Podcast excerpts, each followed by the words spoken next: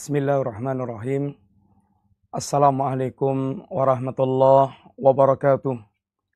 Innal hamdalillah wassalatu wassalamu ala Rasulillah wa ala alihi wa ashabihi wa mawalah wala haula wala quwata illa billah amma ba'du.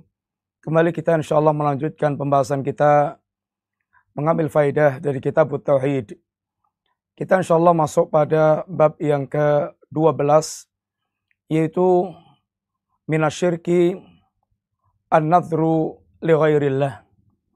Termasuk di antara kesyirikan adalah bernadar kepada atau yang diperuntukkan kepada selain Allah Ta'ala.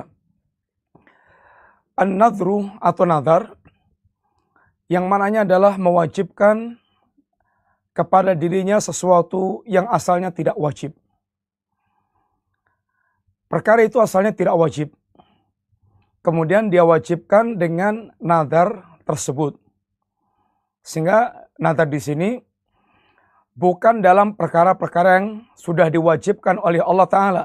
Memangnya dia bernadar untuk puasa 10 hari apabila dia lulus kuliah atau bila dia setelah diwisuda. Uh, ini adalah asalnya puasa 10 hari tidak ada kewajiban bagi dia. Tapi begitu dia bernadar maka menjadi wajib. Sehingga nadar adalah mewajibkan sebuah amalan yang asalnya tidak wajib menjadi wajib karena nadar yang dia lakukan. Para pemirsa yang rahmati Allah, nadar ini ada nadar yang mutlak, artinya nadar yang lepas, tidak ada ikatan apa-apa. Contohnya, saya bernadar karena Allah untuk menghatamkan Quran uh, dalam pekan ini tiga kali. Ini nadarnya adalah nadar lepas, tanpa ada syarat apa pun maka ketika dia bernadar seperti ini wajib dia tunaikan nadar tersebut tanpa ada syarat apa pun. Yang kedua, nadar muqayyad. Nadar yang terikat.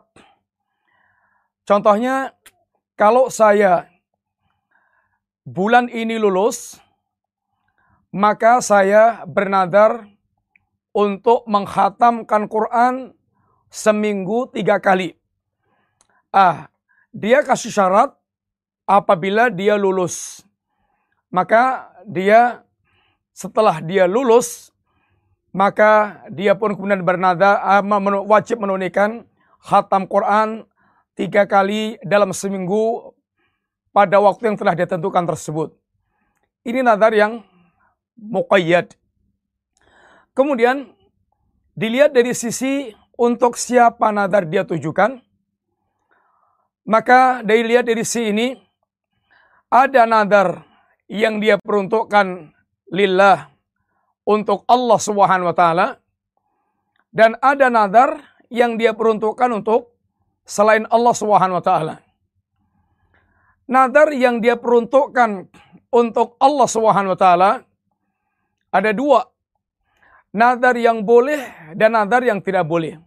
Artinya nadar yang sifatnya adalah ketaatan atau mubah, saya bernadar untuk menghatamkan Quran dalam pekan ini dua kali. Ini nadar ketaatan. Maka wajib dia tunaikan nadar tersebut. Baik mutlak atau dengan ini bersyarat. Adapun nadar maksiat, dia bernadar bentuknya maksiat. Saya bernadar karena Allah untuk membunuh si fulan tanpa alasan.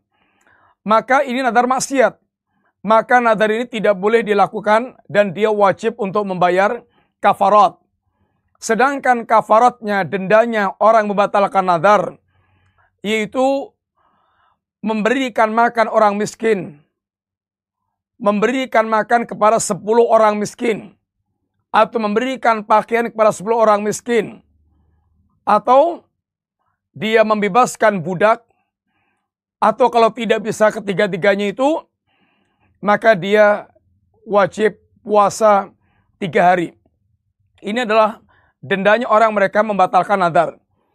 Adapun nadar yang bentuknya untuk selain Allah, nadar syirik, maka wajib dibatalkan dan tidak ada ini kafarat dalam masalah nadar. Demikian berkaitan dengan masalah ini nadar. Mari kita lihat dalil-dalil yang beliau bawakan di sini berkaitan dengan masalah nadar.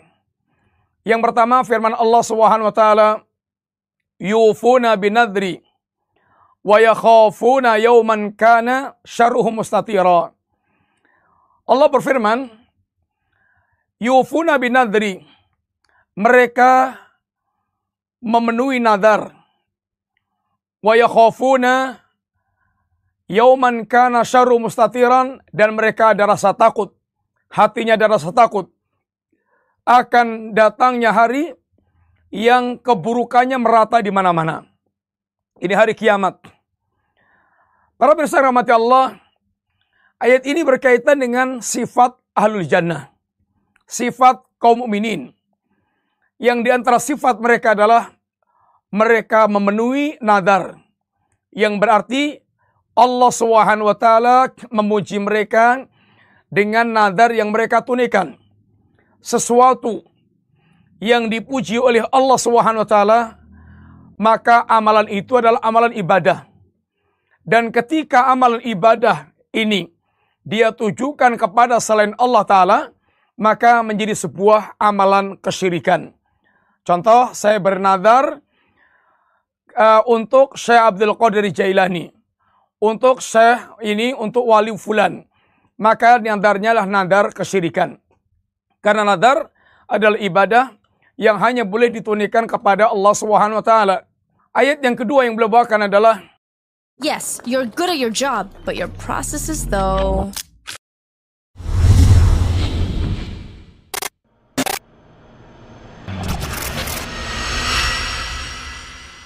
Wama anfaqtum min nafaqatin. Wama nadartum min nadrin. Fa innallaha ya'lamuhu. Apa pun infak dari harta yang Anda keluarkan, yang keluarkan, dan apa pun nadar yang Anda nadarkan, maka Allah Subhanahu wa taala mengetahui. Allah Subhanahu wa taala menegaskan mengetahui apa pun yang mereka lakukan baik dalam tu infak, mengeluarkan harta mereka apa ataupun nadar yang mereka nadarkan. Sehingga di sini sekarang Allah memberikan ini penegasan pada setiap kita. Jangan khawatir, wahai orang yang berinfak. Apa pun infak yang Anda keluarkan, dilihat orang, nggak dilihat orang, banyak atau sedikit, semuanya Allah mengetahui. Sehingga jangan pernah merasa rugi dengan infak seandainya tidak diketahui oleh orang. Karena Allah mengetahui dan Allah akan membalas. Baik orang tahu atau orang tidak tahu. Demikian pula berkaitan dengan nadar yang kita lakukan. Maka apabila orang telah bernadar, maka walaupun gak ada orang dengar, tapi Allah tahu. Maka tunaikan nadar tersebut karena menunaikan nadar dipuji oleh Allah Subhanahu wa taala. Para pemirsa yang rahmati Allah taala,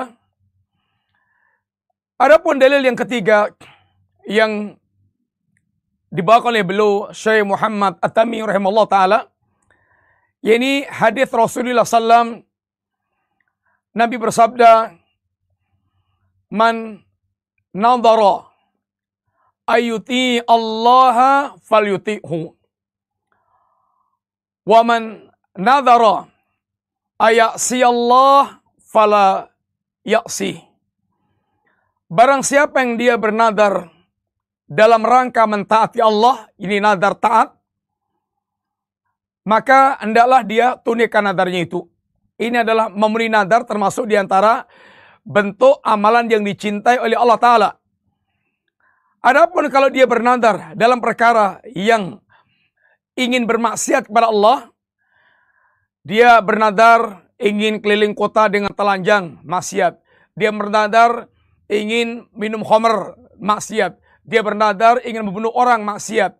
Maka barang siapa yang dia bernadar yang bentuknya adalah maksiat kepada Allah, falayaksihi, maka janganlah dia maksiat kepada Allah Subhanahu wa taala.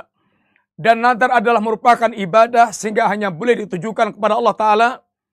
Dan apabila nadar itu ditujukan kepada selain Allah, maka dia telah menyekutukan Allah Subhanahu wa taala. Semoga Allah menuntun kita untuk senantiasa memperhatikan sisi akidah tauhid yang penting ini dan semoga Allah menjauhkan kita dari praktek-praktek yang diharamkan Allah apalagi yang masuk dalam kategori menyekutukan Allah Subhanahu wa taala. Semoga manfaat. Wassallallahu ala nabiyyina Muhammadin wa ala alihi wa sahbihi wasallam.